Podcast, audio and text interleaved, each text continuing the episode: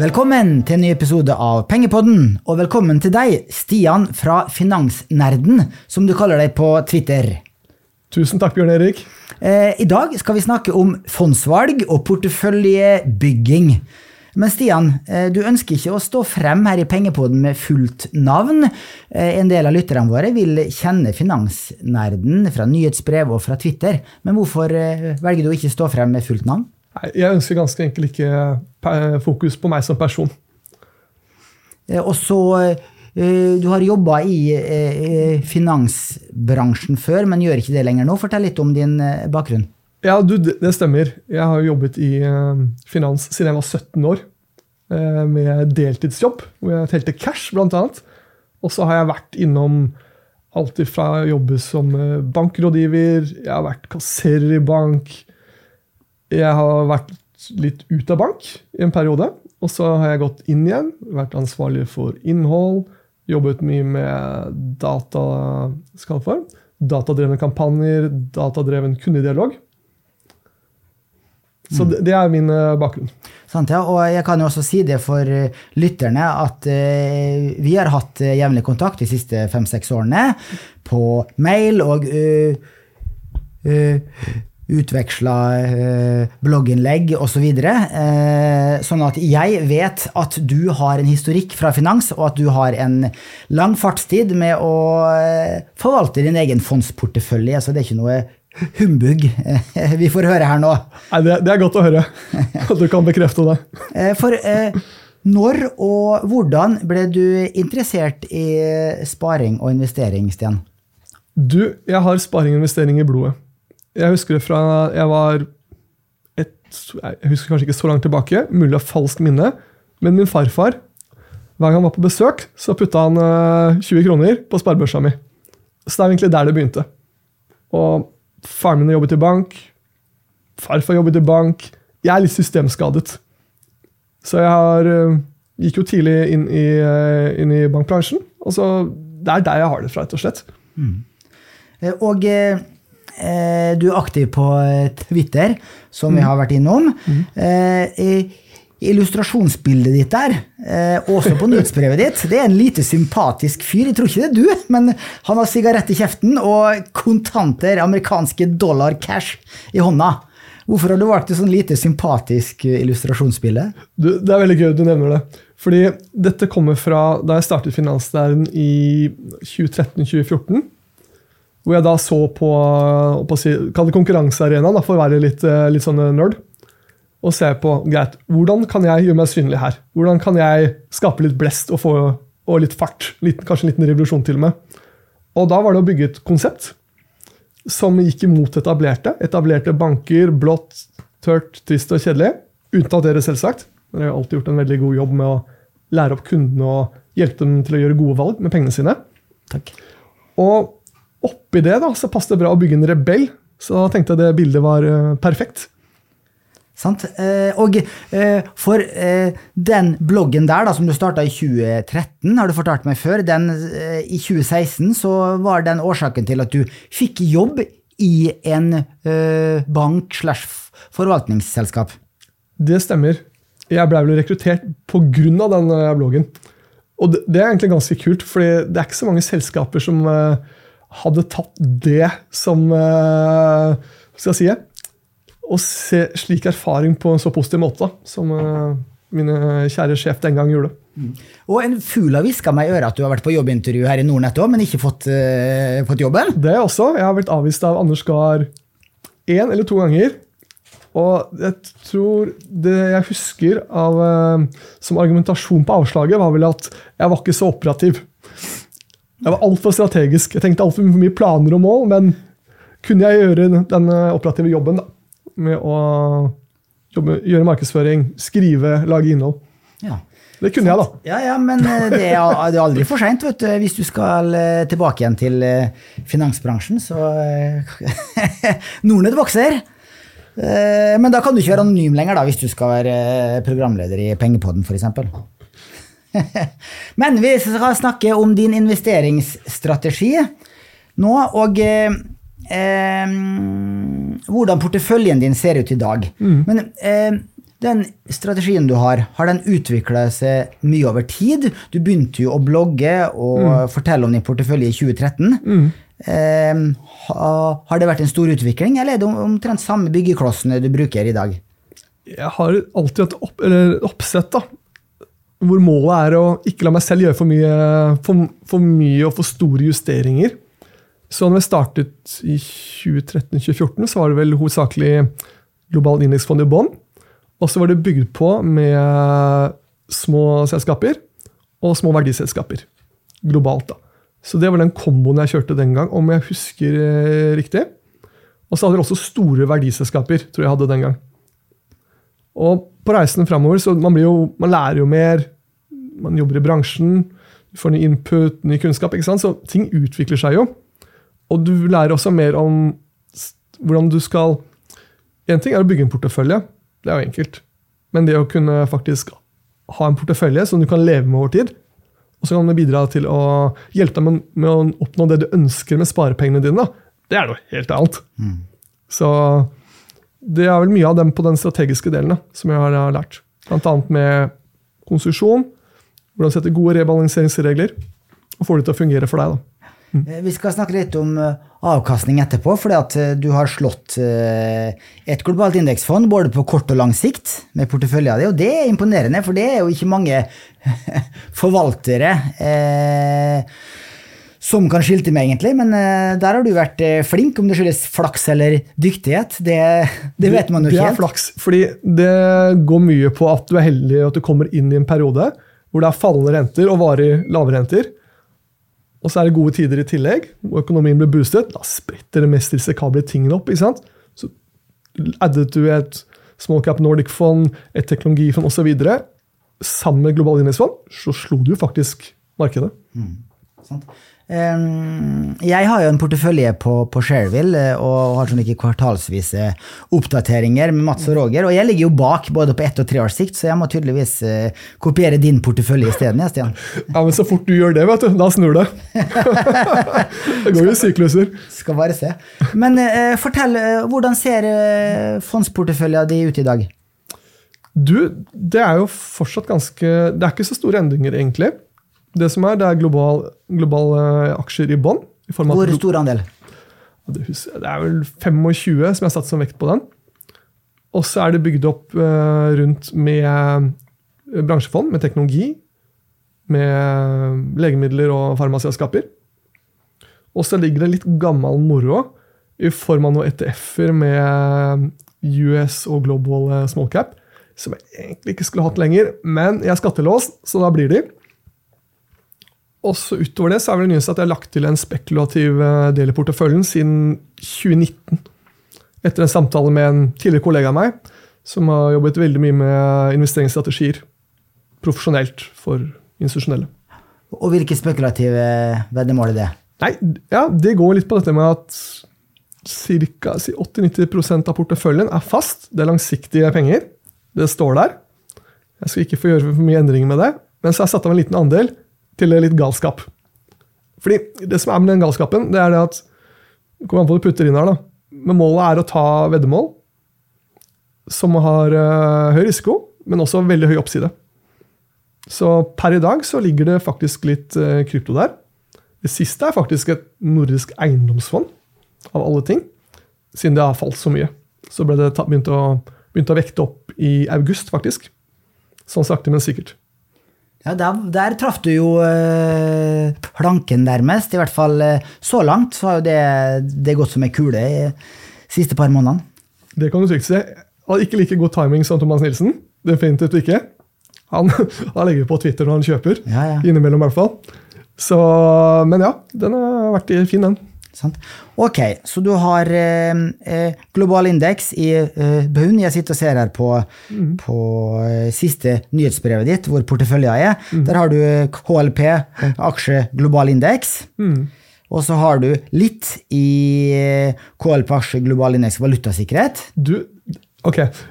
Eneste grunn til at jeg eier KLP, altså Global indeks valutasikkerhet, det er bare for å vise hvor vanskelig det er å, å tjene penger på valutasikring. Det var rett og slett bare å vise. Nå skal jeg gjøre en stor feil, og så skal jeg vise eh, hvor vanskelig dette er ved å tape penger. Og jeg er godt i minus. Så foreløpig så går det veldig fint. Sant? Så det er et litt spekulativt uh, veddemål. Altså, jeg har jo også gjort det samme, og, og gjort det med en mye større andel av uh, porteføljen. Ja. Um, og jeg også er vel i litt i minus så langt, men um, det er absolutt mye læring i å ta slike veddemål og se hvordan det går. Fordi at eh, hvis du har skin in the game, så husker du ti ganger bedre enn hvis du bare setter opp en hypotetisk portefølje. Det gjør du definitivt. Jeg har, ja, jeg har lært på den vanskelig, eller på den harde måten på ganske mange områder, for å si det mildt. Mm. Sant, ja. Også på eh, du, du, sa du har teknologifond. Der har du eh, DNB Teknologi. Ja, du, det er der rett og slett pga. Rett, ja, rett og slett pga. prisingen i markedet. Og at når jeg begynte å ta det inn, så har det gått allerede veldig mye. Så det er der til jeg får en mulighet til å skifte ut med et, eh, en eh, Nasdaq 100 ETF, sannsynligvis. Ja. Eller kanskje deres fond. Vi får ja, se. Sant, ja. Eh, jeg, jeg, ser at det, Nordnett Indexfond Teknologi har jo gjort det vel 60% year to date, og enda da bedre enn DNB Teknologi. Mm. Og da her i, i, tidligere i år så hadde jeg DNB Teknologiforvalterne på besøk og sa nettopp det. Så sa de at uh, det Nordnett Innenfor Teknologi er mer uh, konsentrert enn DNB Teknologi, og da har en høyere PE-multiple, og det er et poeng, da.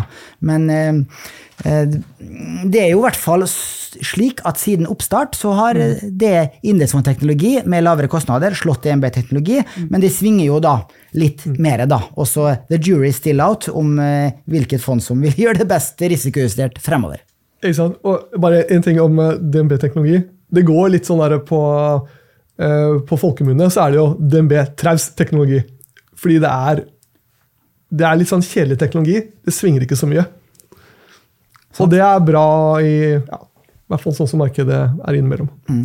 Og så har du eh, Du sa du har et eh, helsefond, og der er det BlackRock sitt eh, World Healthcare. Ja, det stemmer. Mm. Eller Health Science, står det faktisk. Jeg har også et indeksalternativ til den. Men så lenge det aktive fondet outperformer, så ser jeg ingen grunn til å bytte. Sant. Og så har du også KLP, aksje fremvoksende markeder indeks. Den glemte jeg faktisk. Ja, Den ligger i kjernen i porteføljen. Den var veldig høy andel før, faktisk, som er tatt ned. Ja, for nå er det 8 andel, og det er vel eh, litt under normalvekt hvis du ser på en sånn eh, all countries-indeks. Ja, det er, det er, omtrent på.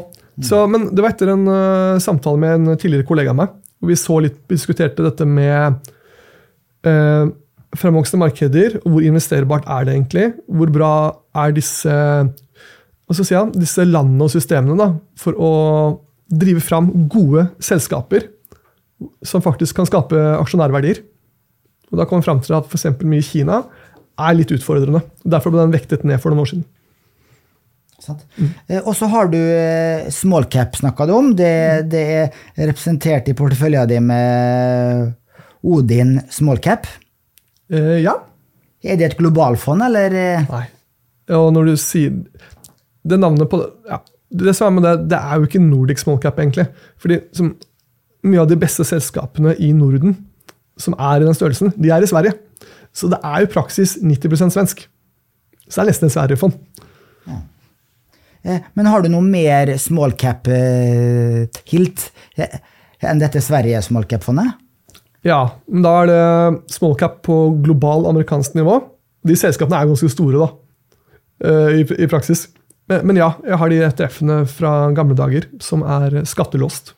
Ja, og du for deg så er det viktig for Hvis du bare sitter med et, globalt indeksfond, mm. så får du jo stort sett eh, large cap-selskaper. Mm. Og da har du liten eksponering mot small cap, mm. men det du har gjort med din portefølje, er at du har da lagt til et par small cap-fond for oss å få mer eksponering mot den delen av eh, eh, aksjemarkedet.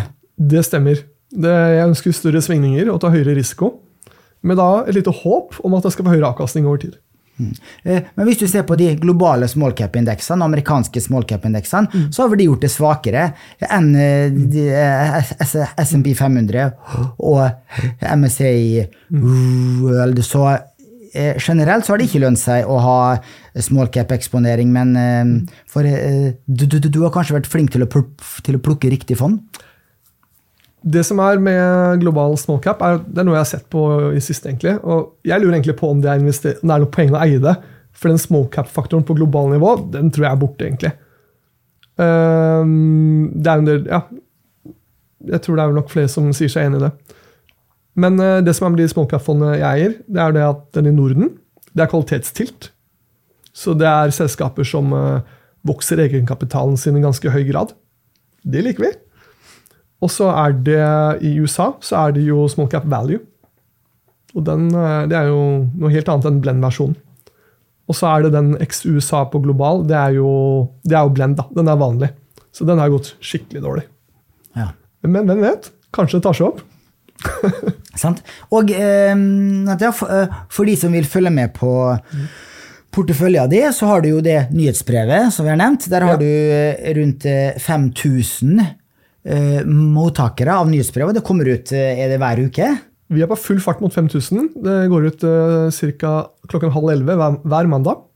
Uansett, faktisk, gjennom hele året, om jeg var på ferie, altså jeg var i Kroatia, var jeg i Bosnia, eller hvor enn jeg var, så har jeg faktisk eh, produsert dette. Det er kult også, og det er veldig mye bra innhold der. Eh, og det er gratis.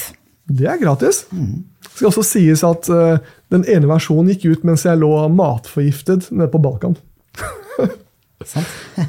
Eh, og eh, det er jo mm, Ja, og der legger du også eh, ut eh, avkastningstall. Eh, Det gjør jeg.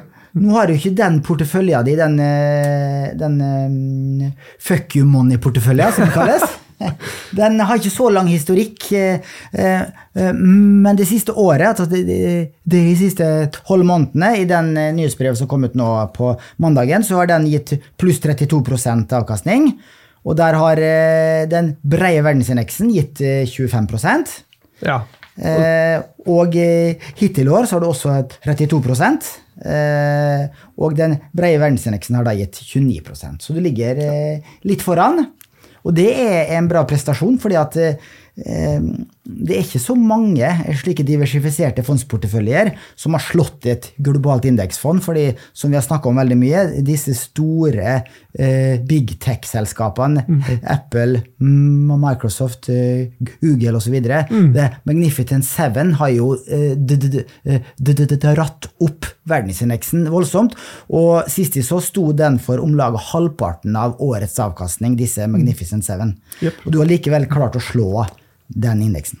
Ja, da, altså, det er jo ikke noe secret sauce-aksje eh, akkurat. Det handler jo om å ta litt høy risiko, kanskje. Og når du kjører ganske high risk i den spekulative delen, selv om det er bare sånn 10-12% og du treffer over et par år på det, så blir det ganske god avkastning, altså. Det Men det er det. flaks, da. Ja, og hvis du har Nå har du 9-10 eh, bitcoin og eh, Ethereum, i hvert fall per i dag. Ja, det stemmer. Det, det der kommer av eh, en liten lærepenge jeg fikk av en, eh, en jeg kjenner, som går litt på avsymmetriske veddemål. Og det går på at her er kronebeløp. La oss si her er 100 000. Hva hvis du taper de pengene? Og så er det sånn, Hva betyr det for deg, da? Og i den situasjonen jeg var akkurat da, så var det litt sånn Betyr egentlig ikke så veldig mye, kanskje. Og så fulgte han opp med et oppfølgingsspørsmål, og det var Hva hvis dette går 50-gangeren? Eller 100-gangeren, til og med? Vil det endre livet ditt? Da var svaret ja. Og da var det sånn Ok, nå skjønner jeg hva du snakker om. Og det var sånn jeg kom inn i det. Eh, og eh, når eh, bitcoin har steget da, med 150% det siste året, og du har eh, 10 så gir jo det bidraget da, 15% avkastning på porteføljen din, og det er jo kjempesterkt. Så da er det jo selvfølgelig med så enorm avkastning på 10% så gir jo det betydelige bidrag. Definitivt. Og, men men eh, jeg vil bare legge til én ting. og det er Når man har en sånn spekulativ del, som kan svinge ekstremt. Så du trenger gode rebalanserings, rebalanseringsregler. Og Det så vi f.eks. i 2021. Og da løper krypto altså det mest altså Tech-selskaper uten inntjening, skyhøy belåning, gikk til himmels. ikke sant?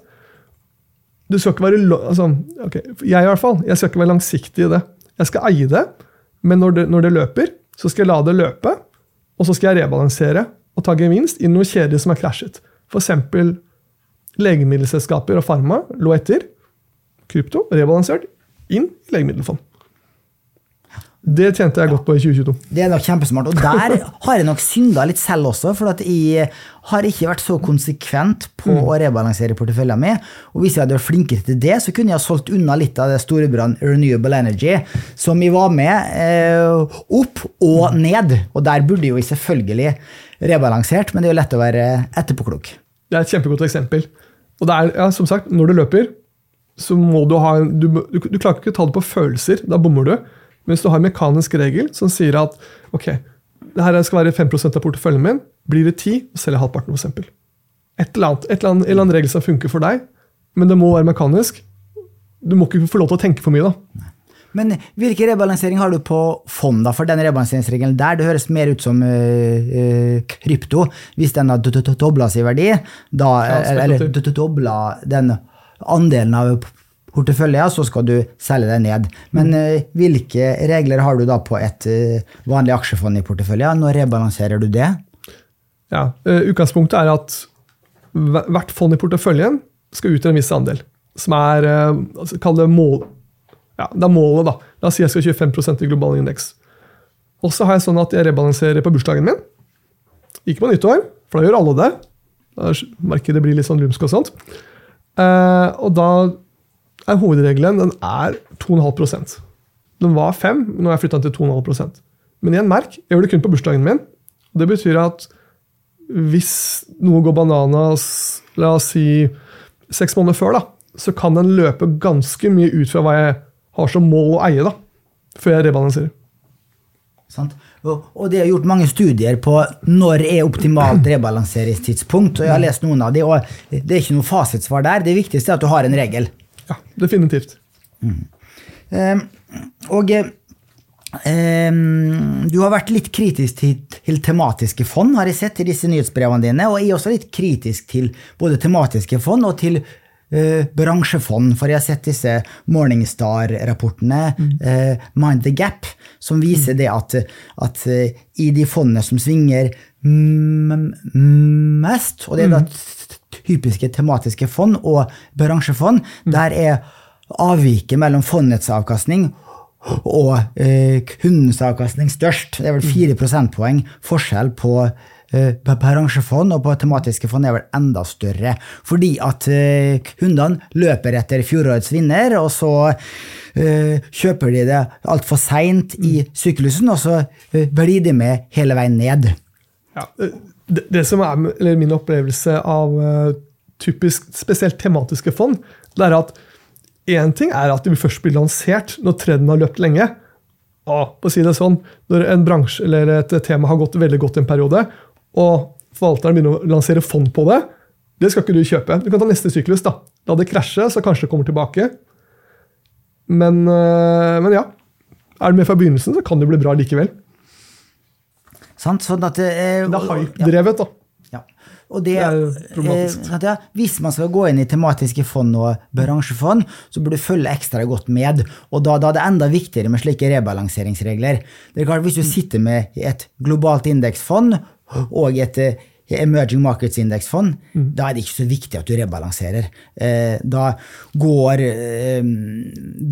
Da vil det være en del av kjerneposisjonen din uansett. Mm. Og da er det eh, mindre viktig at du rebalanserer.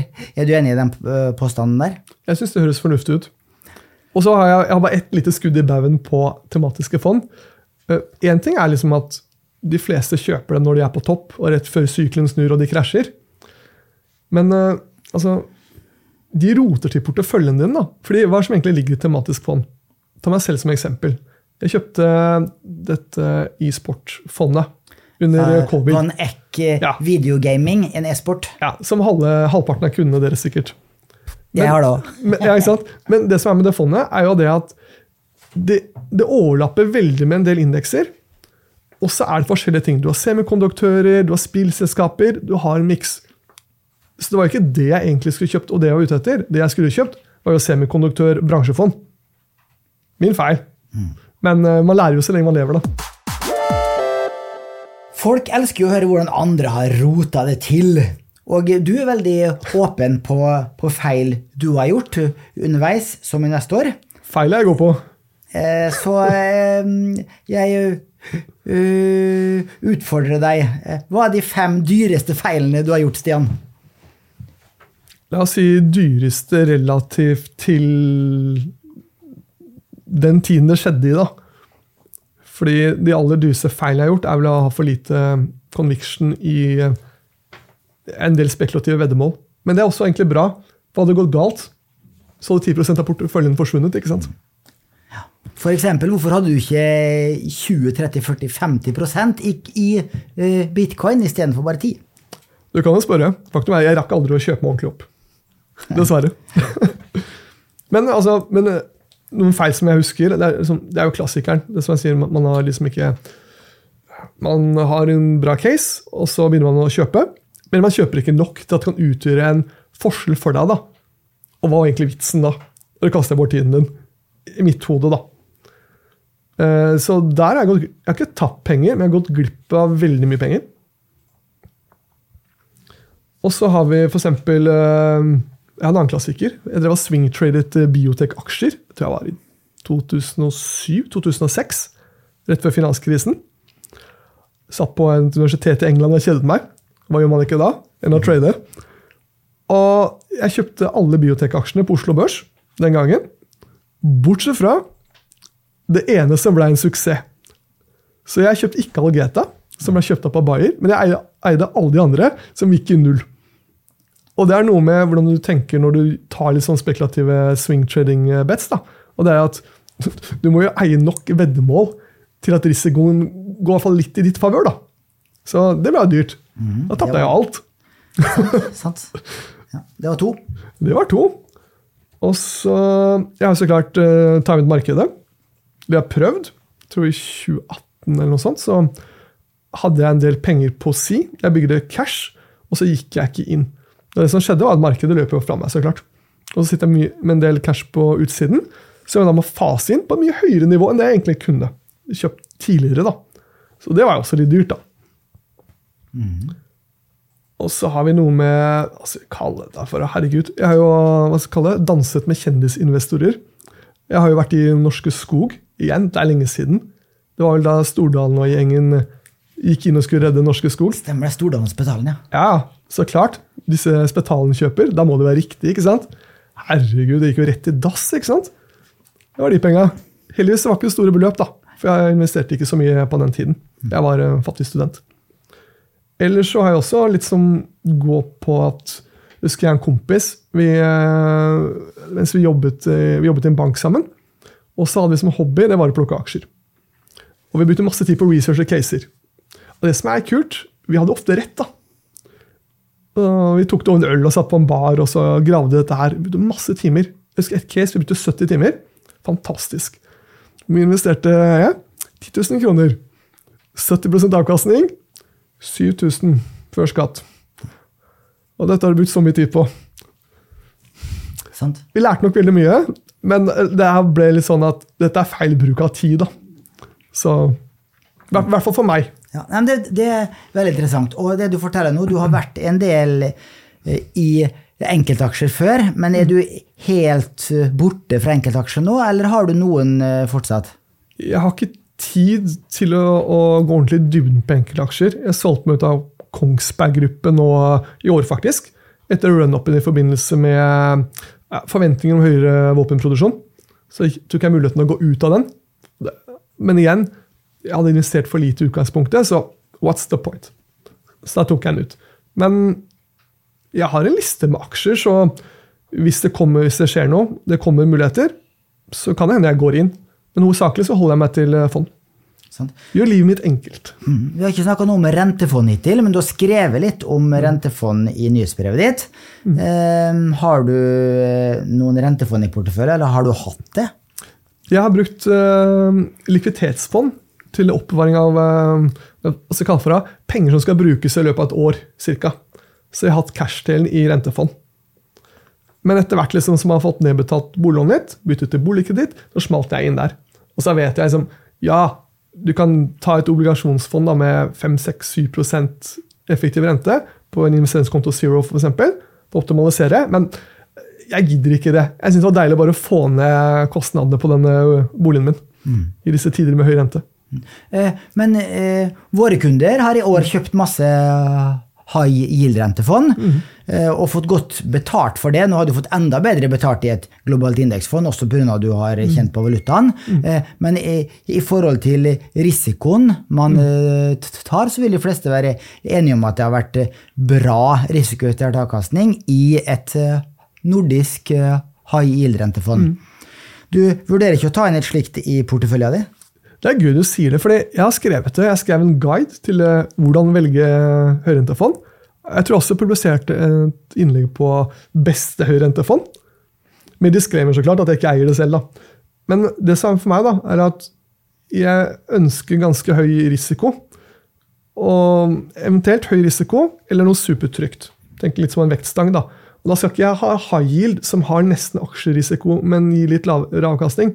Da skal jeg heller ta noe mye tryggere nå, eller noe mye mer risikabelt. Men det her er meg, så hva som er riktig for andre, kan være noe helt annet. altså klart. Hvis du vil ha høyere risiko i eh, eh, high yield, så kunne du jo ha eh, eh, gira opp eh, eh, den high yield-eksponeringa di, men det, du eh, driver ikke med å, eh, å, å eh, gire investeringene dine. Jeg er jo ikke indirekte belånt med boliglån, som veldig mange andre. Men, men nei, jeg ser ikke noe poeng i det. Da hadde jeg heller, da hadde jeg heller kjørt et gira globalt indeksfond, faktisk. Ja, eh, det er pussig å nevne. Har du snust på Nordnett global indeks 125? Jeg har skrevet om det. Ja, Du har det, det har jeg ikke sett. Hva, hva konkluderte du med? Jeg, jeg eier det ikke eh, per i dag. Det er ikke noe Det er ganske nytt fond. Jeg kjøper aldri helt nye fond av prinsipp. Men eh, det er jo spennende da, at du kan få innebygd giring på global indeks. Så absolutt, det kan absolutt være et produkt som er riktig for veldig mange. Vi syns det var veldig morsomt i hvert fall at vi var først ute med et slikt fond. Og det, mm, å skryte litt, så var det min idé. Jeg har snakka om det her i fem-seks år nå i Nordnett, og, og, og, og da har fått mitt eget fond. Eh, Så det er litt artig. Og så kan man selvfølgelig diskutere timingen. Eh, Det beste hadde vært å lansere det her i eh, april 2020, rett etter eh, den eh, smellen etter eh, korona. Eh, men eh, det tar jo ganske lang tid å få etablert et slikt fond. Nå har vi det i hvert fall i sortimentet, sånn at hvis det kommer en skikkelig korreksjon om en måned eller om et år eller fem år, så skal jeg i hvert fall vekte meg opp i dette gira globale indeksfondet vårt. På lyse siden, at dere lanserte da i et marked som allerede har gått ganske mye, og kanskje man får en, at det snur litt, det er jo at du får jo testa fondet ganske godt. da. Det er ikke sånn at du får masse investorer inn i det, og så skulle det være et eller annet. Det er mer at du får liksom, hva skal man for, en soft lansering. da. Absolutt. Og eh, det, det har kommet inn eh, eh, Våre norske kunder har vel investert eh, rundt 100 millioner nå de to første månedene, og det er helt fint eh, moderat eh, beløp. Eh, også mye spareavtaler, og det er min kjepphest. Eh, Sett gjerne pensjonsspareavtalepengene dine inn i det fondet her, men ikke sett inn hele pensjonsformua di på dagen. Nei, Det høres nok eh, ut som en god idé. Um, Men du har også en del gode prinsipper for å håndtere risiko. Vi har snakka litt om det, eh, med at du, du rebalanserer jevnlig. Du har en kjerne bestående av globale indeksfond og noen andre eh, b- b- eh. Og så har du rundt 10% i slike spekulative veddemål, da, som er primært krypto. Eh, har du andre eh, prinsipper for å håndtere risiko? Ja, altså, hovedmålet mitt er jo aldri sette meg i en posisjon hvor jeg kan tape for mye penger. Og det er der den 10 %-fordelingen kommer fra. For det betyr at det som går inn i den, det er den andre porteføljen jeg er villig at kan gå i null. Jeg, jeg har ganske sjukt, uh, sjuk risikotoleranse, så jeg bryr meg ikke så mye om svingninger. Svinger med 50% greit, vært med på det før, sånn skjer. Um, men det er viktig å liksom ikke ha en for stor andel ting som kan gå i null. Det, er, det er kanskje det viktigste. At det hindrer meg fra å gjøre for, uh, for dumme feil. Det hindrer meg også fra å tjene veldig veldig mye penger når jeg treffer, men det er prisen jeg må betale. da. Så, og det er jeg innforstått med. Så utover det så er jo det å eie litt av alt, egentlig. Men altså, man er jo ganske bredt i globale aksjer og ulike aktive klasser. Men også det som at du går liksom på langsiktige trender. da. Altså, folk blir eldre og syke, derav legemidler, parmadelen. Teknologi driver verden. Alt man driver, altså, alt, alt som skjer rundt oss, da, drives av teknologi. Det er, det er helt vanvittig hvor, eh, hvordan utviklingen går. Så det, det, det må jo med. Så det er egentlig tankegangen på det. altså Ganske bred diversifisering. Mm. I kombo med noe veldig risikabelt. Mm. For, for, du er jo veldig opptatt av rebalansering, men likevel, du rebalanserer ikke mellom aksjer og renter. For du er uh, uh, Du kjører min strategi med 100% aksjer til du dør? Jeg kjører 100 aksjer. Um, jeg vet ikke om det blir til jeg dør. Uh, det, det, får vi jo se. For, hvor gammel er du i dag? Du, jeg er 42.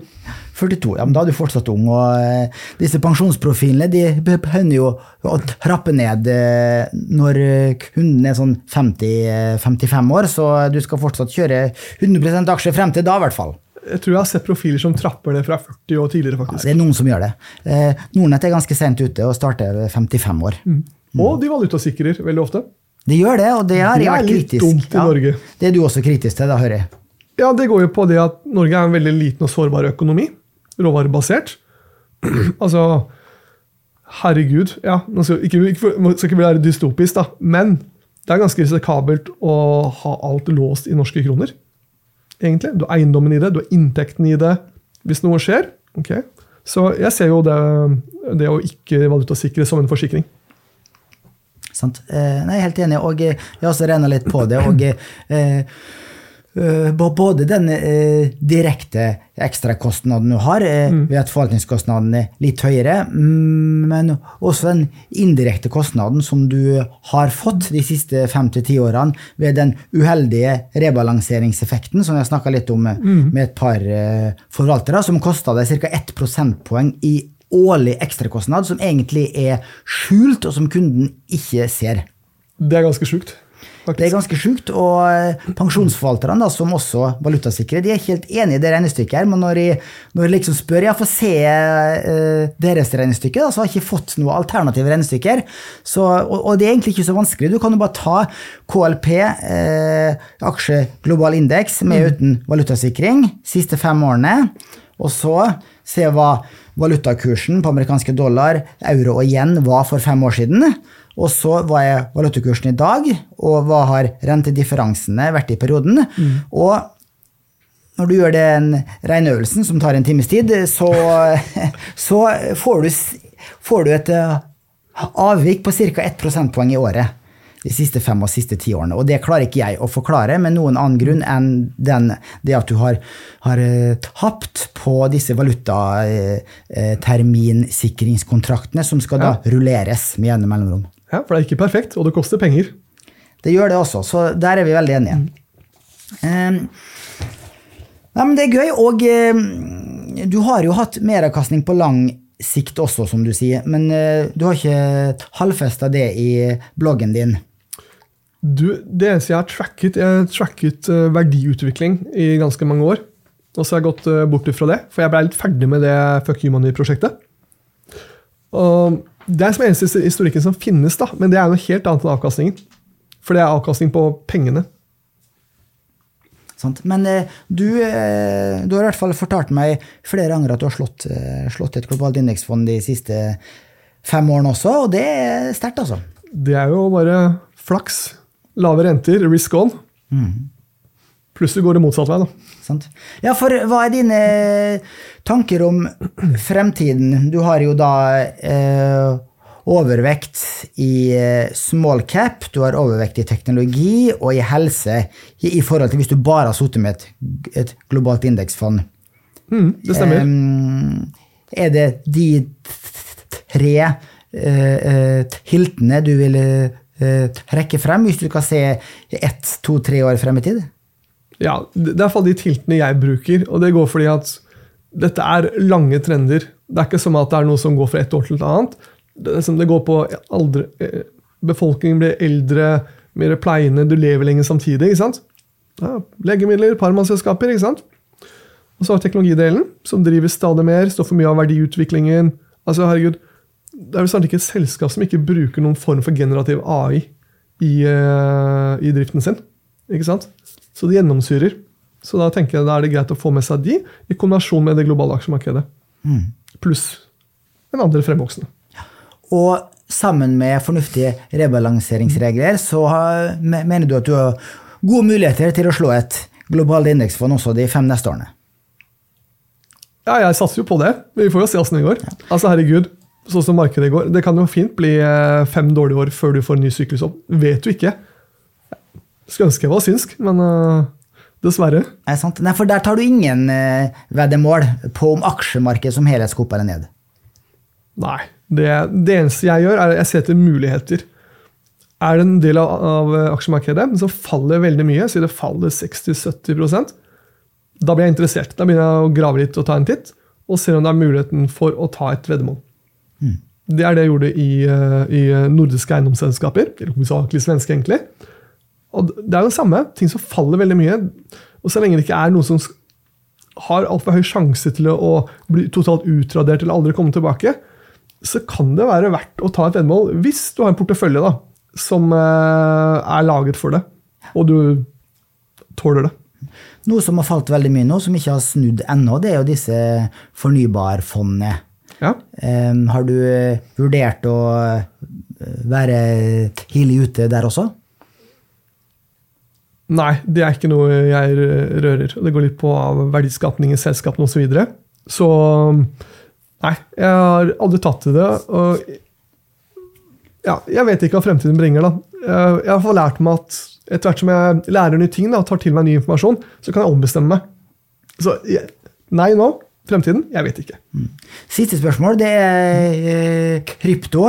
Mm. Eh, Bitcoin og Ethereum utgjør nå rundt 10 av porteføljen din, og det er maksimalt. Så mm. selv om det skal Hvis det dobler seg en gang til, så vil, de, så vil du selge av, slik at du maksimalt har 10% i krypto.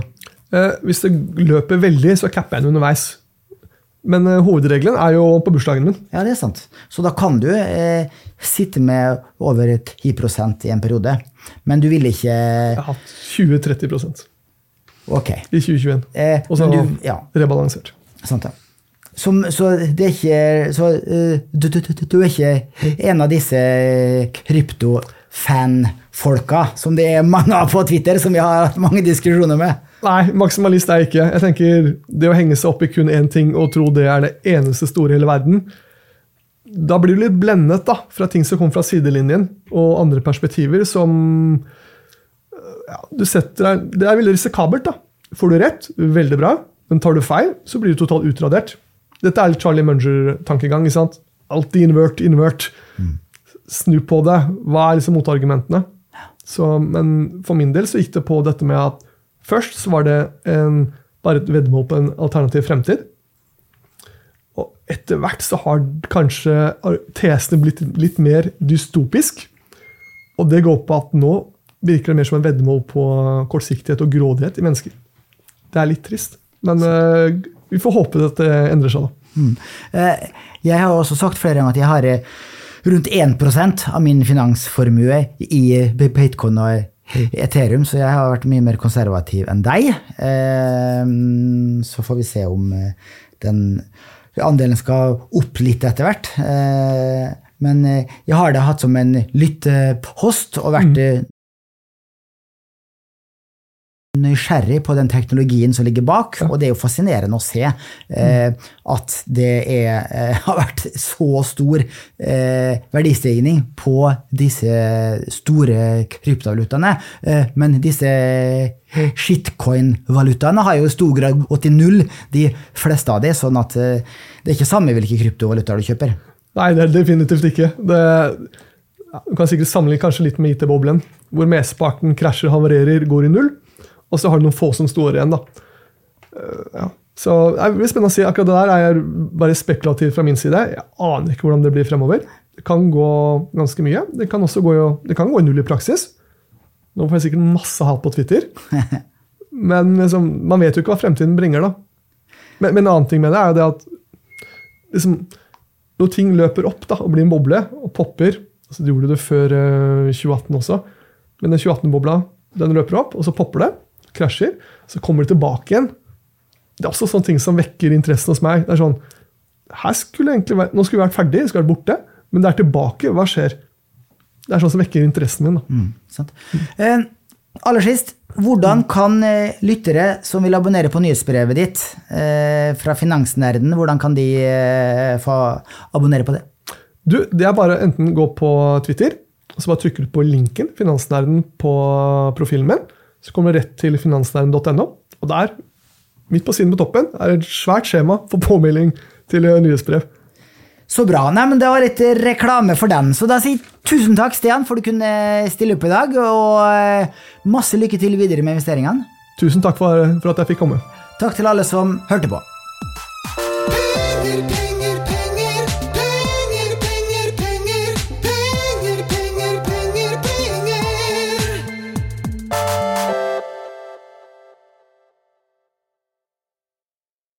Denne podkasten skal anses som markedsføringsmateriell, og innholdet må ikke oppfattes som en investeringsanbefaling. Podkasten er kun ment til inspirasjon og informasjonsformål. Nornett tar ikke ansvar for eventuelle tap som måtte oppstå ved bruk av informasjonen i denne podkasten. Les mer på disclaimer-siden på nordnett.no.